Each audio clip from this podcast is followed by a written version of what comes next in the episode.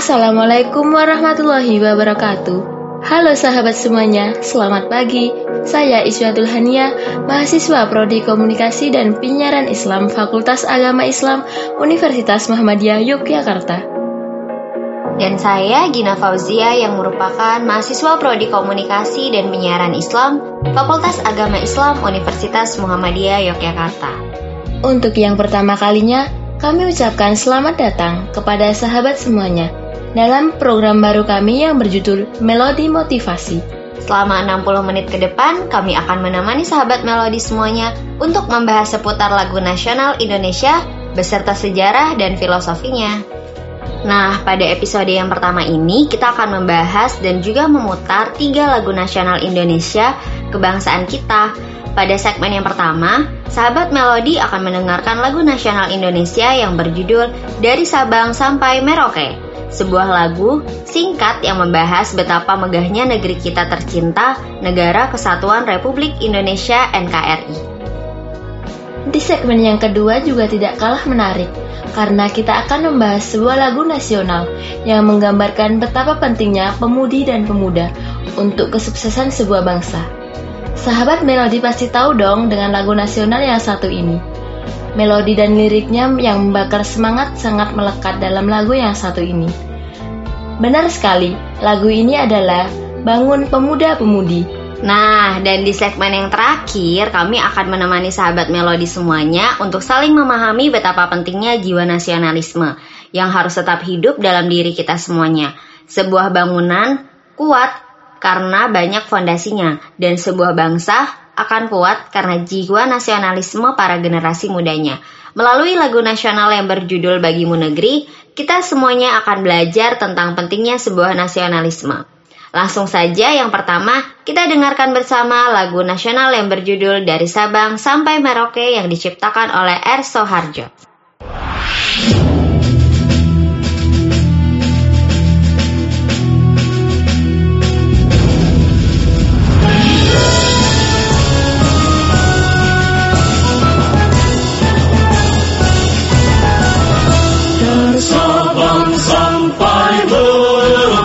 Berjajar pulau-pulau Sang menyambung menjadi satu Itulah Indonesia. Indonesia tanah airku Aku berjanji padamu Menjunjung tanah airku Tanah airku Indonesia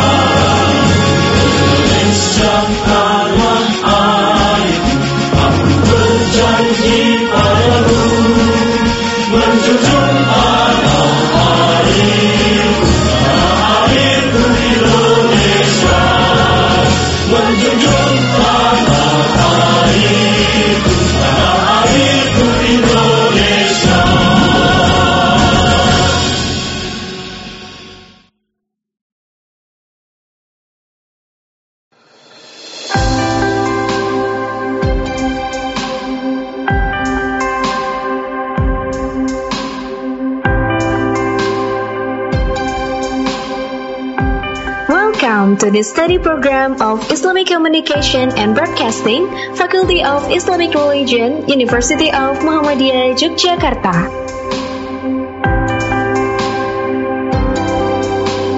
The Islamic Communication and Broadcasting major is a further development of the Tabligh Muhammadiyah Academy, which was established on November 18, 1958.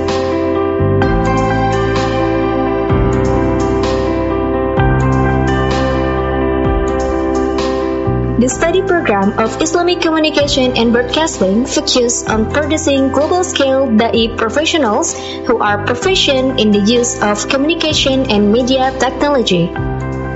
Among the professions that the alumni can pursue are broadcasters, journalists, trainers, entrepreneurs, counselors, and researchers.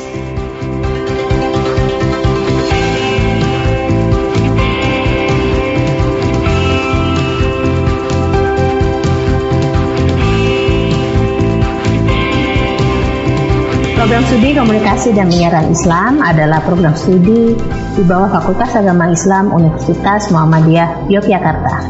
Kelebihan program studi kami adalah mahasiswa dibekali dua alternatif pilihan yaitu menjadi komunikasi Islam atau konseling Islam. With a conducive and interactive learning environment that will make teaching and acquiring knowledge fun.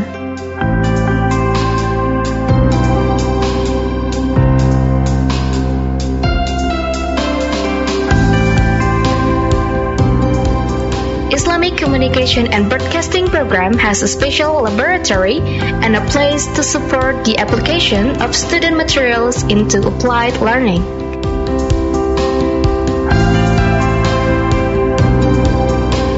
The teaching and learning system is also integrated online, making it easier to access material outside the classroom.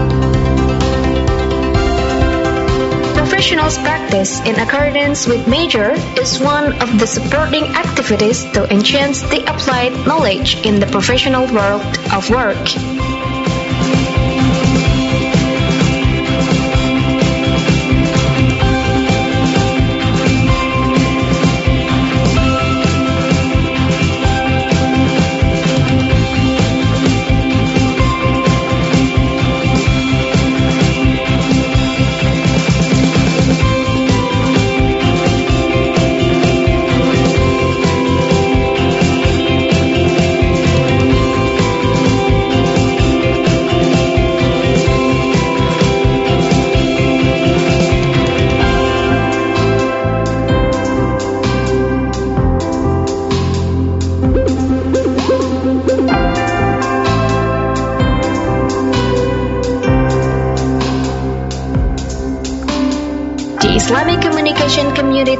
Is under the scope of the student organizations, which becomes a place for students to improve their interests and talents outside the classroom.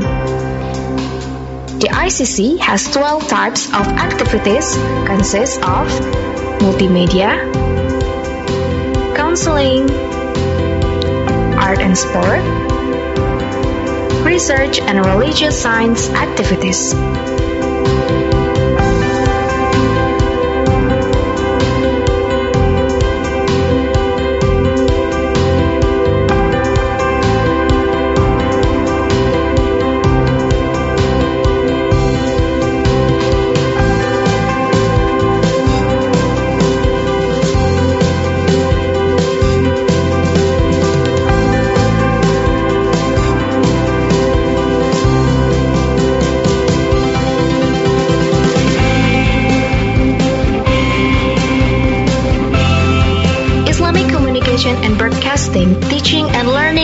Activities are under the supervision of teachers with diverse alma mater and have good credibility in their fields.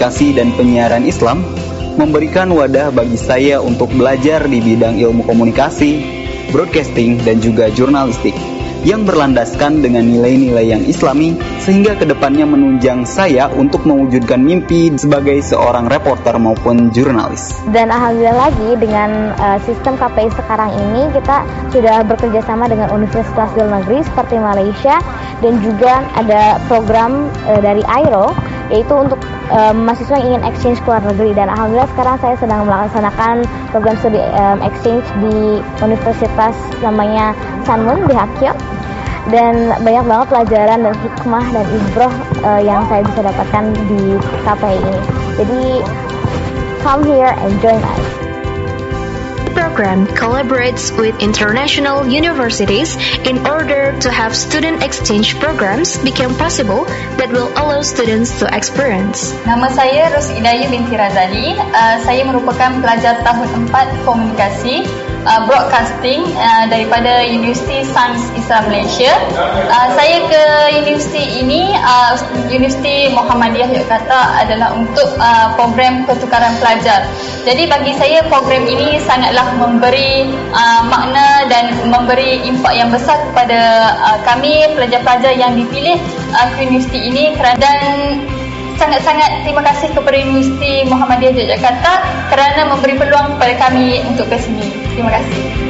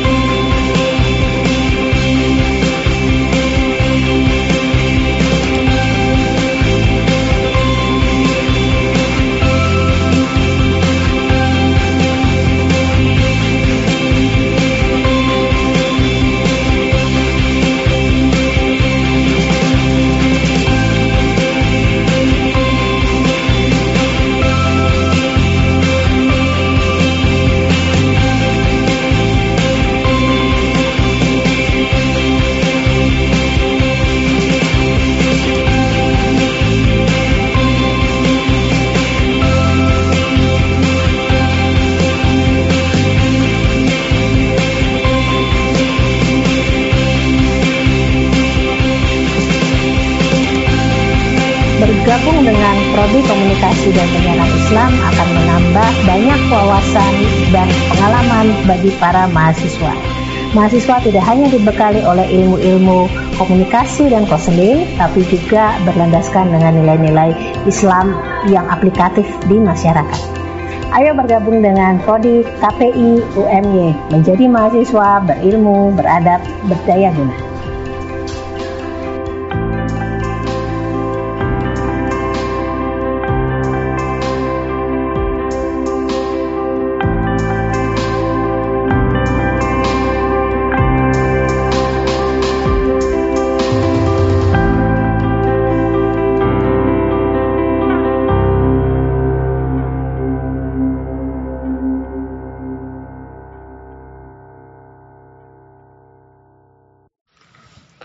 Sebuah bait lagu yang diciptakan oleh R. Soharjo dengan judul aslinya dari barat sampai ke timur.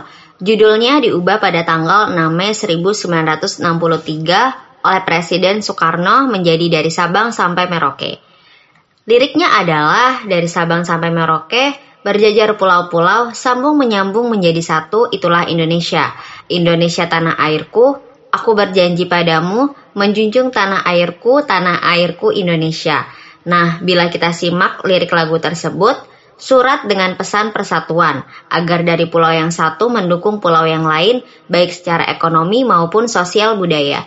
Pertahanan dan keamanan yang pada gilirannya timbul rasa korsa kenusantaraan. Sebagai putra ke Indonesia ataupun putri Indonesia kelahiran Cirebon, Jawa Barat kemudian berpindah ke Jakarta yang terbiasa hidup di dekat gemerlapnya suasana metropolitan ibu kota negara. Menginjakan kaki di Merauke adalah cita-cita sedari kecil. Sejak di bangku SD, saat menyanyikan lagu-lagu wajib di ruang kelas, termasuk lagu dari Sabang sampai Merauke, selalu terngiang kapan dapat tiba di bumi cendrawasih tersebut, khususnya kota Merauke yang tersebut dalam lagu nasional yang telah kita putar tadi. Hmm, apabila dengan berita terbaru bahwa Presiden Joko Widodo akan menetapkan Merauke sebagai lumbung pada nasional dengan kesediaan lahan padi seluas 4,6 juta hektar, dikutip dari bisnis.com. Tentu akan semakin menarik untuk dikunjungi. Dilihat dari kondisi geografis, sejarah ekonomi dan budaya, kota Merauke memiliki beberapa keistimewaan dibandingkan dengan kota-kota lain di Pulau Papua.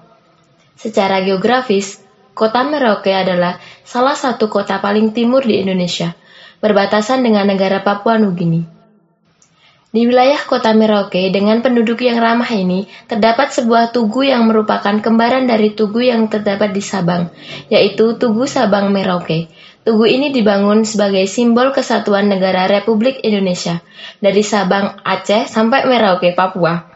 Tugu Sabang Merauke ini bisa dijumpai di distrik Sota, yaitu sebuah daerah yang terletak di timur kota Merauke.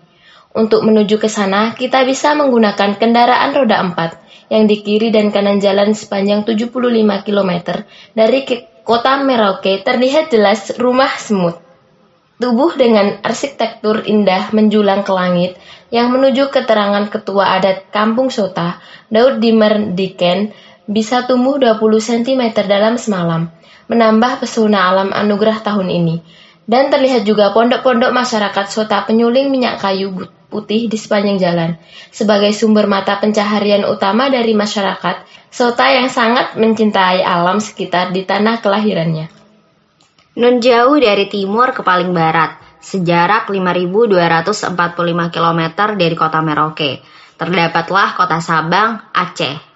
Merupakan gugusan pulau terdepan pemersatu Indonesia dari Sabang sampai Merauke, merupakan pengikut Kat dan pemersatu 17.504 buah pulau wilayah Nusantara, baik pulau yang sudah bernama, mungkin sekitar 7.870, maupun pulau yang belum bernama, sekitar 9.634. Nah, sumber ini kami dapat dari Kementerian Dalam Negeri. Kota Sabang merupakan kepulauan di seberang Pulau Sumatera, dengan Pulau W sebagai pulau terbesar, tepat letak tempat letaknya kota Sabang dengan luas hanya 153 km persegi, berpenduduk 30.000 jiwa. Kota Sabang sebelumnya perang sebelum Perang Dunia Kedua adalah kota pelabuhan terpenting dibandingkan Tamsek yang sekarang menjadi Singapura. Yang dikenal dengan pelabuhan alam bernama Collins Station oleh pemerintah kolonial Belanda sejak tahun 1881.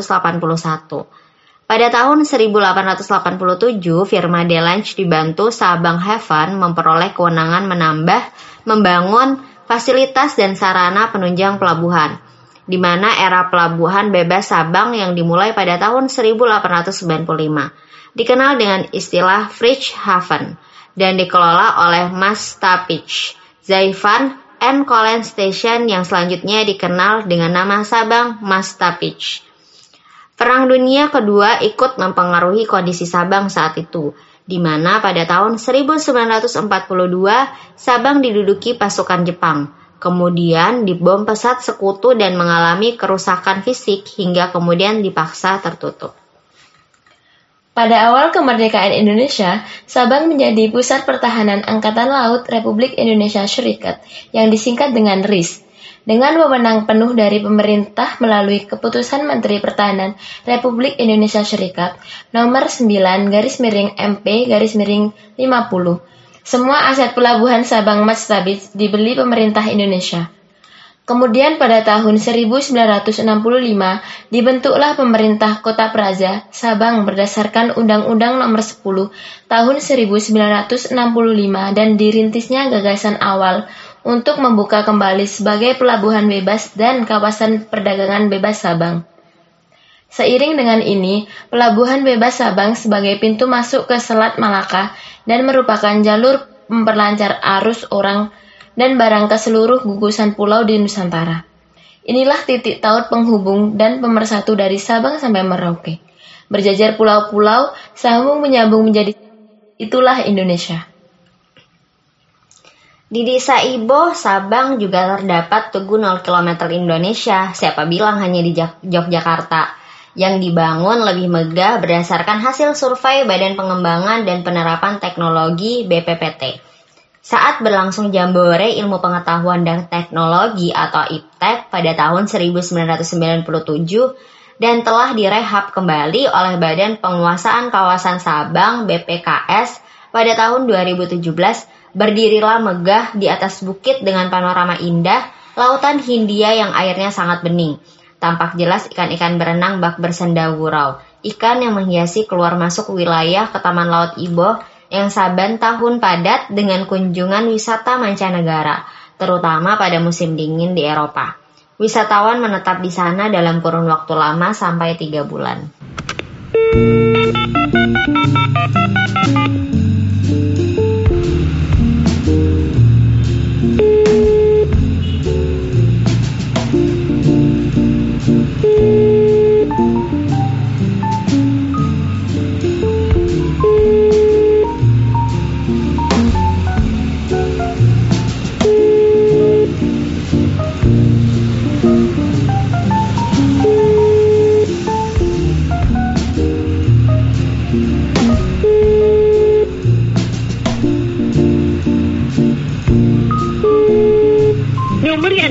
Tidak menjawab. Silakan tinggalkan pesan suara dengan cara telepon ke bintang nomor tujuan.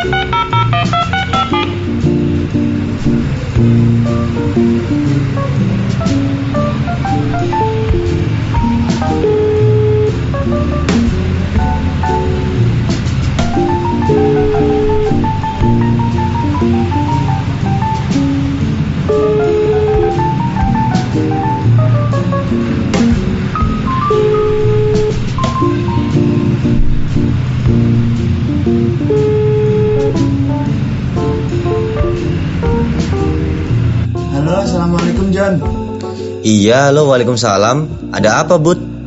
Bosan banget nih saya di rumah terus. Jalan-jalan yuk, ke mana kek?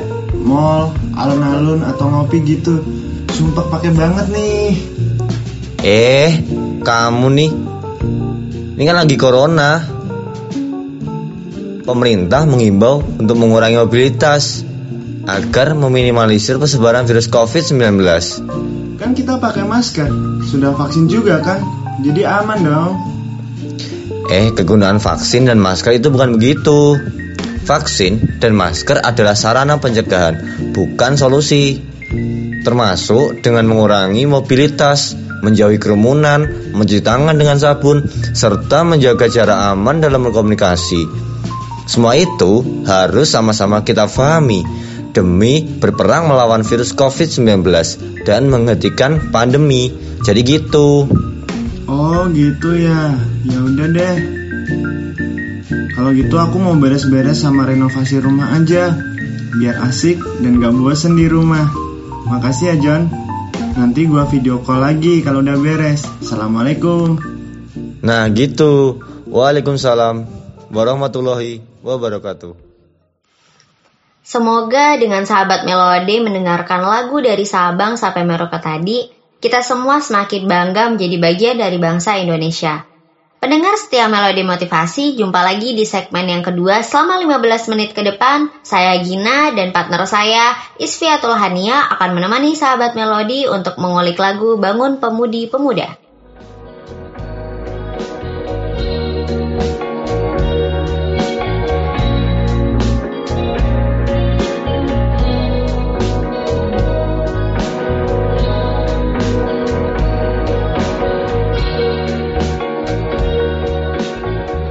Baik Kak Gina, sebuah lagu yang akan memotivasi kita untuk menjadi generasi muda yang berkualitas, berintegritas, dan bermental patriot.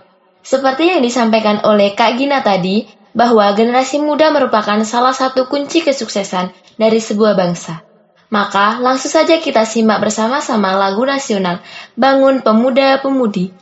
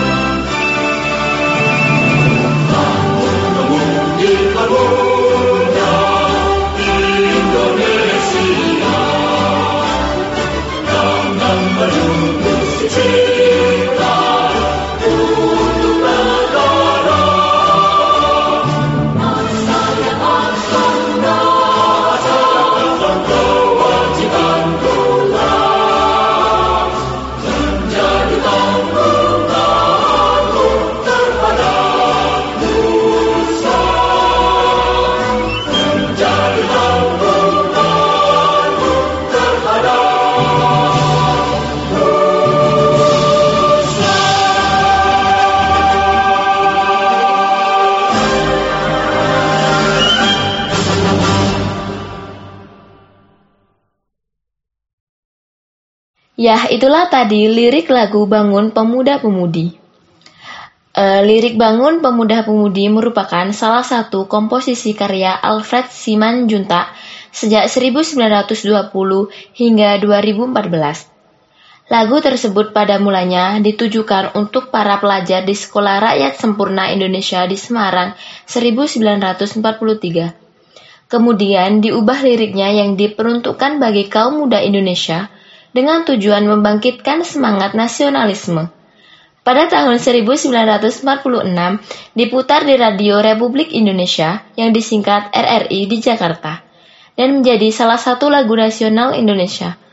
Lagu Bangun Pemuda-Pemudi akan hidup ketika diterjemahkan ke dalam konteks real yang dicapai melalui interpretasi terhadap keseluruhan elemen ekspresi musikal yang terkadang di dalam lagu tersebut seperti ritme, melodi, harmoni, dinamika, tempo, birama, serta lirik lagu.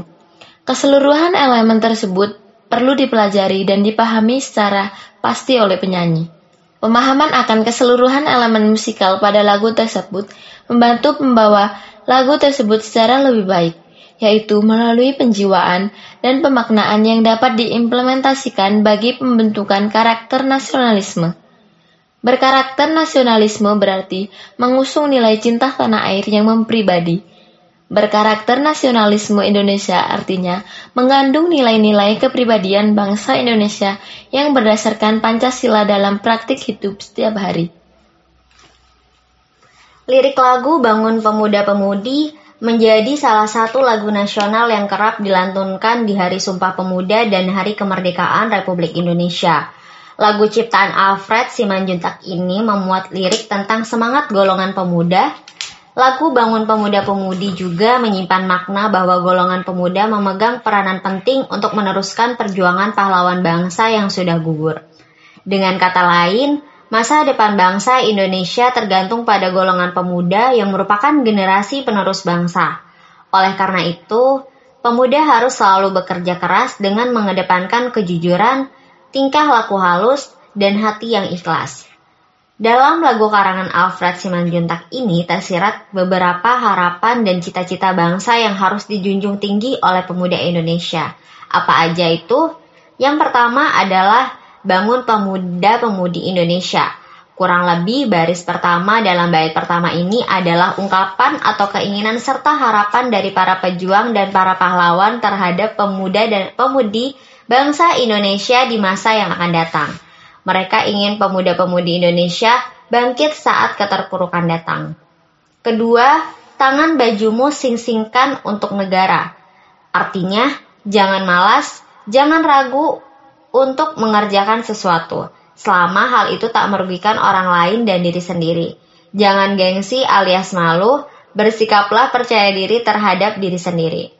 Yang ketiga, masa yang akan datang kewajibanmu lah. Masa depan bangsa tertumpu pada pundak pemuda. Tugas pemuda untuk mengharupkan nama bangsa negara yaitu Negara Kesatuan Republik Indonesia NKRI. Yang keempat, menjadi tanggunganmu terhadap Nusa. Menjadi tanggunganmu terhadap Nusa. Kalimat ini diulang sampai dua kali. Ini menekankan bahwa tanggung jawab sangat besar terhadap negara. Selanjutnya yang kelima, Sudi tetap berusaha jujur dan ikhlas. Hendaknya sikap dan sifat yang tercermin adalah sikap dan sifat yang mulia. Sikap di mana pemuda itu tidak mudah putus asa, jujur dan ikhlas untuk menjalani kehidupan. Yang keenam, tak usah banyak bicara, terus kerja keras. Artinya, jangan hanya berniat yang ditujukan dengan hanya kata-kata, tetapi buktikan itu dengan suatu tindakan yang nyata. Ketujuh, hari teguh dan lurus pikir tetap jernih. Maksudnya, berpegang teguhlah pada pendirian, janganlah mudah digoyahkan sesuatu yang belum jelas informasinya. Saat ada sesuatu yang menghalang dan menghadang, jangan terburu-buru dan gegabah dalam mengambil tindakan. Yang terakhir adalah bertingkah laku halus, hai putri negara, putra dan negara, putra negeri. Bertingkah laku halus, Kalimat ini adalah dua lirik terakhir di bait kedua, sama seperti bait pertama. Bait kedua juga mengulang liriknya sampai dengan dua kali. Berarti hal ini sangat-sangat ditekankan. Intinya yaitu harapan agar para pemuda dan pemudi mempunyai akhlak, pendirian, sikap, dan sifat yang baik. tidak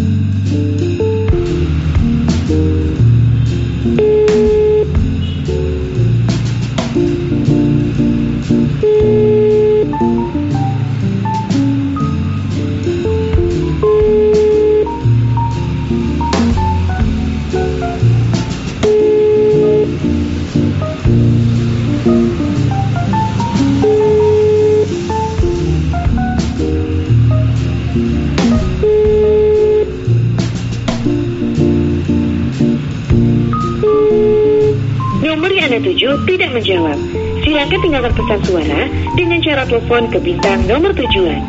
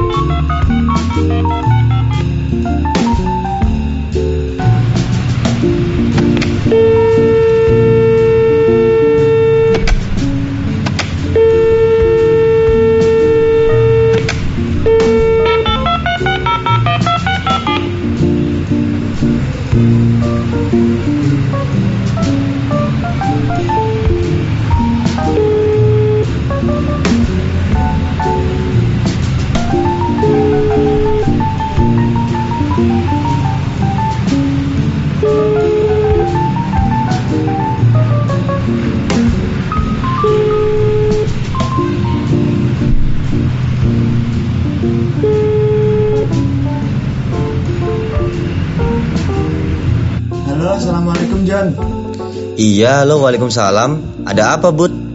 Bosan banget nih saya di rumah terus. Jalan-jalan yuk, ke mana kek? Mall, alun-alun, atau ngopi gitu. Sumpah pakai banget nih. Eh, kamu nih. Ini kan lagi corona. Pemerintah mengimbau untuk mengurangi mobilitas agar meminimalisir persebaran virus COVID-19. Kan kita pakai masker, sudah vaksin juga kan? Jadi aman dong. Eh, kegunaan vaksin dan masker itu bukan begitu. Vaksin dan masker adalah sarana pencegahan, bukan solusi. Termasuk dengan mengurangi mobilitas, menjauhi kerumunan, mencuci tangan dengan sabun, serta menjaga jarak aman dalam berkomunikasi. Semua itu harus sama-sama kita pahami demi berperang melawan virus COVID-19 dan menghentikan pandemi. Jadi gitu. Oh gitu ya. Ya udah deh. Kalau gitu aku mau beres-beres sama renovasi rumah aja. Biar asik dan gak bosen di rumah. Makasih ya John. Nanti gua video call lagi kalau udah beres. Assalamualaikum. Nah gitu. Waalaikumsalam warahmatullahi wabarakatuh. Terima kasih kepada sahabat Melodi semuanya karena tetap setia bersama kami di program Melodi Motivasi. Jumpa lagi di segmen ketiga sekaligus segmen terakhir kita pada hari ini. Selama 10 menit terakhir ini, saya Hani dan Kak Gina akan mengajak sahabat Melodi untuk mengulik lagu nasional yang berjudul Bagimu Negeri. Indonesia adalah negara yang berhasil merdeka atas perjuangan bangsanya sendiri, bukan karena dibantu kolonial atau siapa pun. Maka tak heran lagu nasional menjadi bentuk apresiasi terhadap negara kita, negara kesatuan Republik Indonesia. Maka langsung saja kita kupas tuntas tentang lagu nasional bagimu negeri.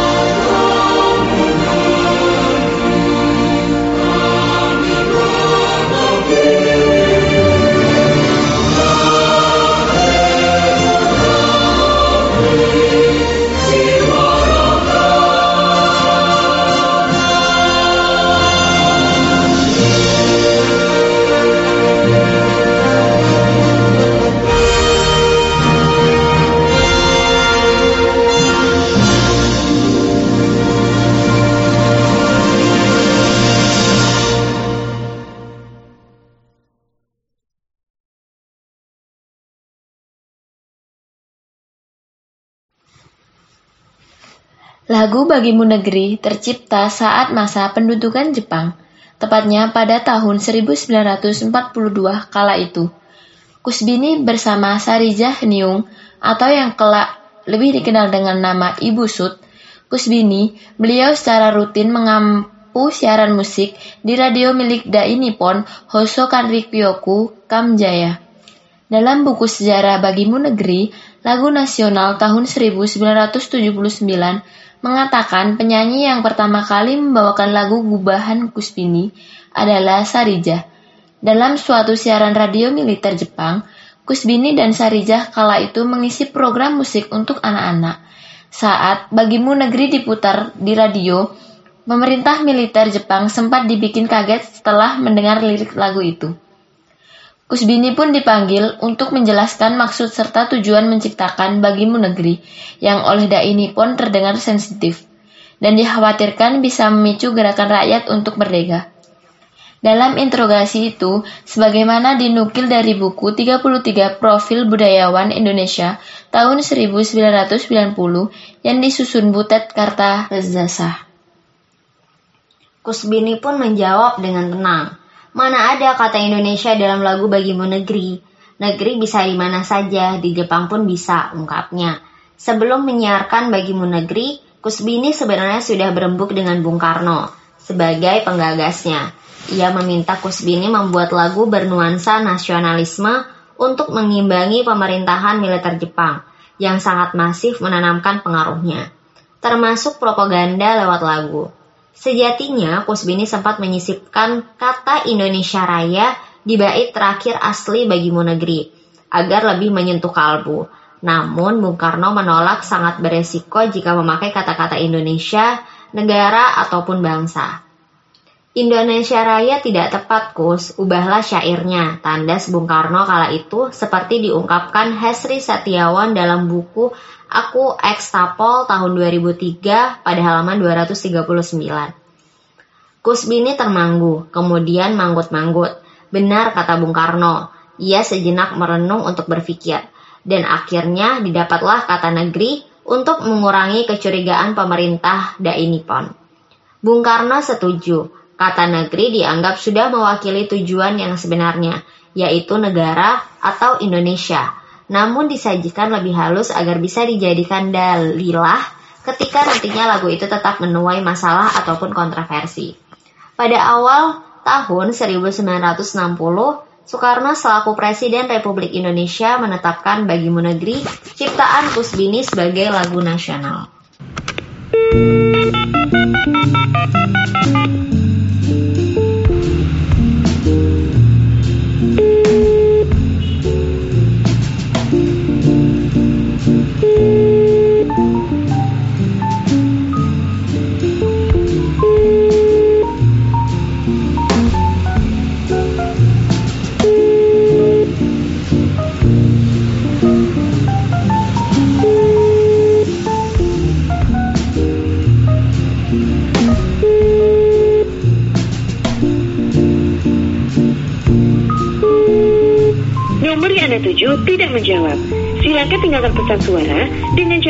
Cara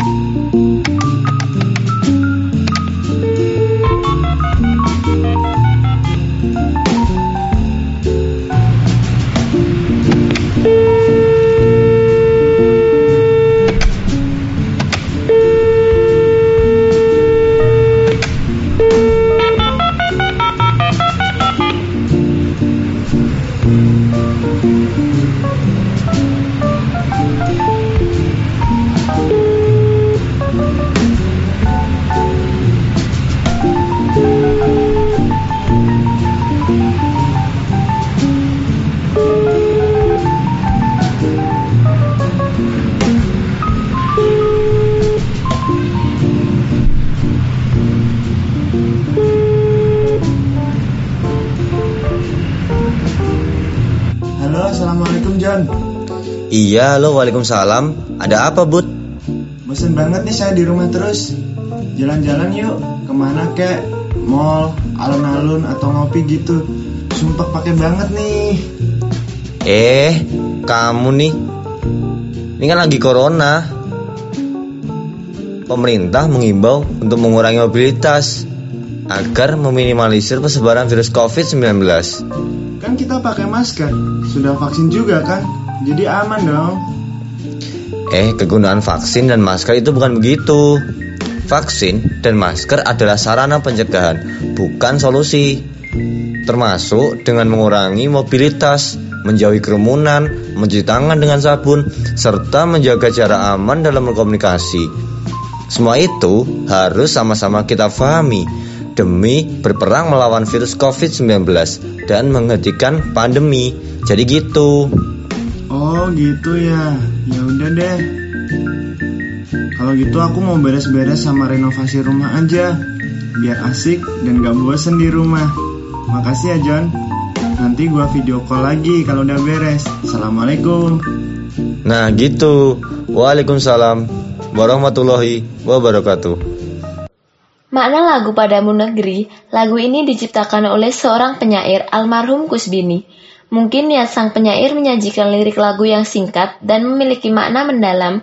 Tujuannya agar mudah diingat, dihafal, diresapi, dan dijiwai maknanya oleh setiap orang Indonesia. Lirik lagu Padamu Negeri sangat singkat dan gampang dihafal, tapi dengan syarat makna mendalam. Di sekolah-sekolah setiap upacara sering dinyanyikan bersama. Selain itu, acara-acara seremonial lagu ini juga kerap diperdengarkan. Hanya saja tidak sedikit orang yang tidak hafal lirik lagu yang singkat tersebut. Antara lirik kami berjanji dengan kami berbakti dan kami mengabdi sering dinyanyikan terbalik-balik. Bagimu negeri jiwa raga kami. Makna lagu ini menyiratkan semangat untuk mengorbankan apa saja demi negerinya, baik itu mengorbankan jiwa dan raga. Itulah pengorbanan yang dicontohkan para pahlawan bangsa. Mereka berguguran demi memperjuangkan kepentingan dan kemerdekaan negerinya, tanpa mengharapkan bisa menikmati hasil perjuangannya itu. Maka tersiratlah sebuah harapan Sungguh dalam sebetulnya makna lirik lagu wajib tersebut. Kalau saja orang Indonesia mampu menghayati lagu ini dan mengap mengaplikasikannya, maka kondisi negeri ini akan sudah jauh lebih baik sekarang. Namun sayangnya orang zaman sekarang banyak yang tak peduli untuk menghayatinya. Banyak yang malah berperilaku kebalikannya. Orang zaman sekarang meski bibirnya melafazkan syair lagu bahan almarhum Kusbini tersebut, namun batinnya berkata lain.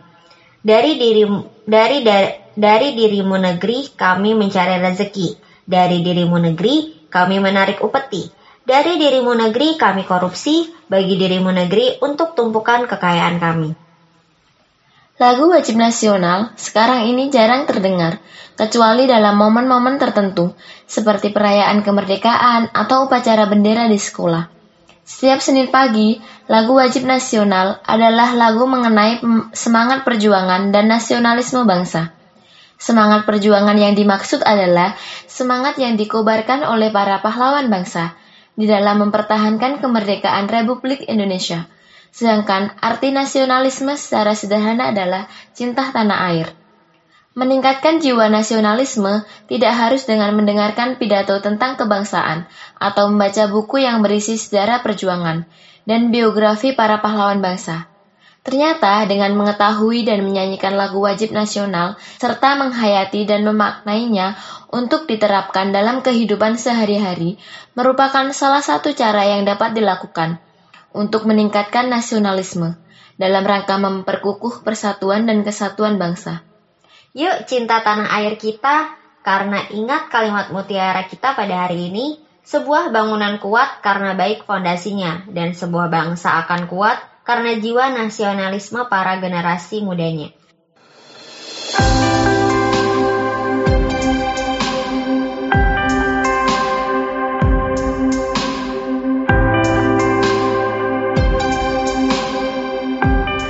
Welcome to the study program of Islamic Communication and Broadcasting, Faculty of Islamic Religion, University of Muhammadiyah, Yogyakarta.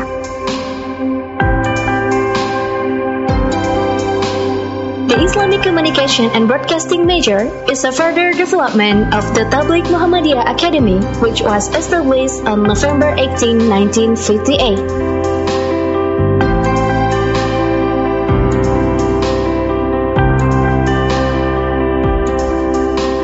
The study program of Islamic Communication and Broadcasting focuses on producing global-scale da'i professionals who are proficient in the use of communication and media technology. Among the professions that the alumni can pursue are broadcasters, journalists, trainers, entrepreneurs, counselors, and researchers.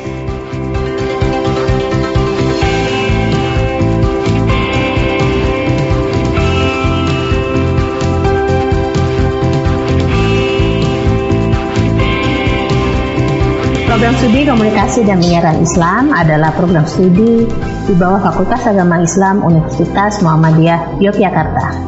Kelebihan program studi kami adalah mahasiswa dibekali dua alternatif pilihan yaitu menjadi komunikasi Islam atau konseling Islam.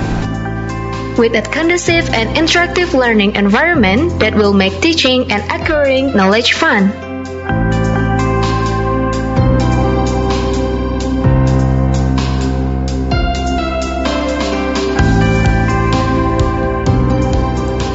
Islamic Communication and Broadcasting Program has a special laboratory and a place to support the application of student materials into applied learning.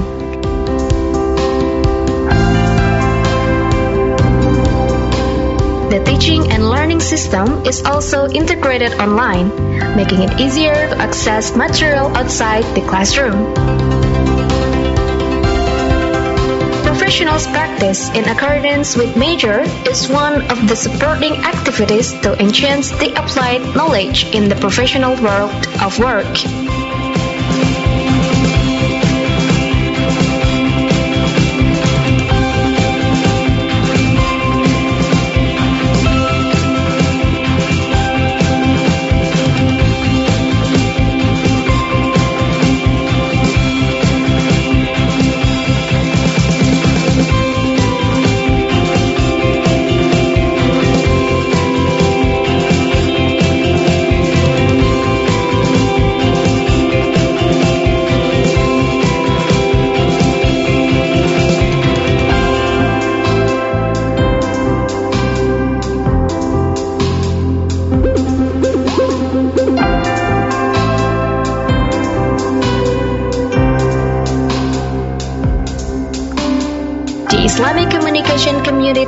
Is under the scope of the student organizations, which becomes a place for students to improve their interests and talents outside the classroom.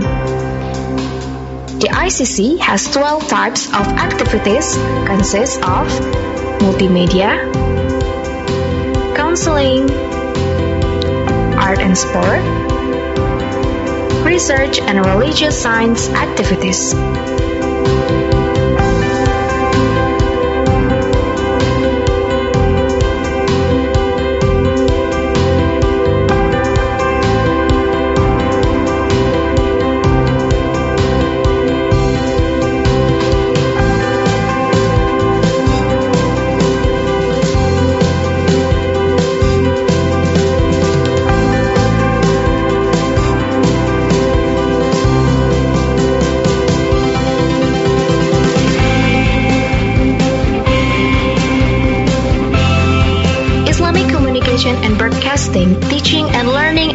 Activities are under the supervision of teachers with diverse alma mater and have good credibility in their fields.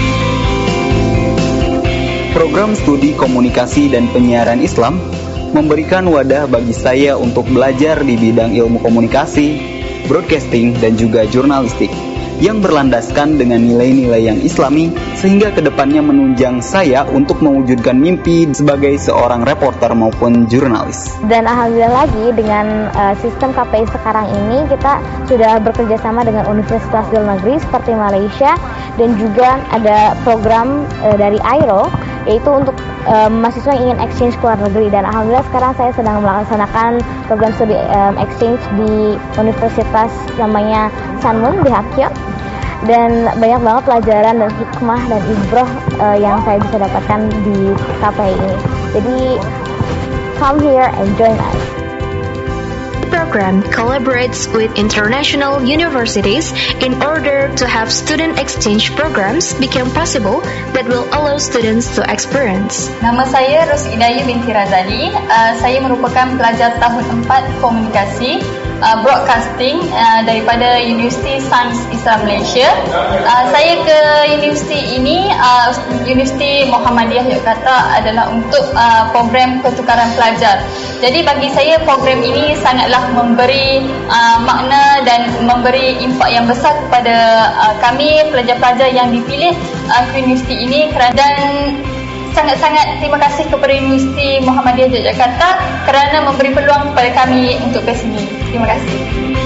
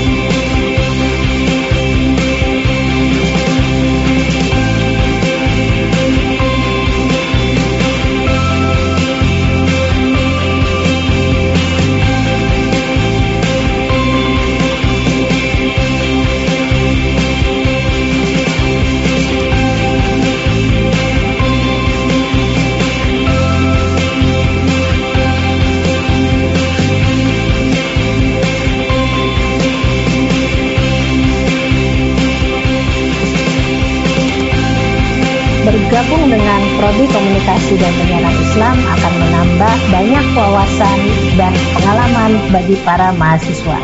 Mahasiswa tidak hanya dibekali oleh ilmu-ilmu komunikasi dan konseling, tapi juga berlandaskan dengan nilai-nilai Islam yang aplikatif di masyarakat. Ayo bergabung dengan Prodi KPI UMY menjadi mahasiswa berilmu, beradab, berdaya guna.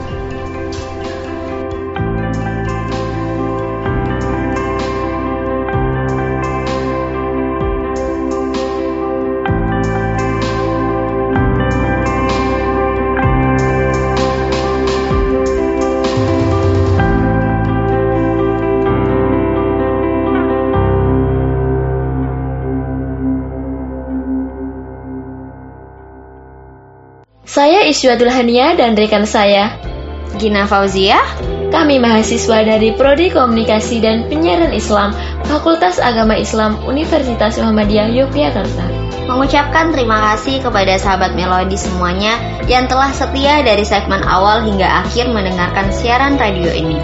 Mohon maaf bila terdapat ucapan kami yang tidak menyenangkan di hati sahabat semuanya. Sampai jumpa lagi di program Melodi Motivasi selanjutnya. Sampai jumpa. Assalamualaikum warahmatullahi wabarakatuh.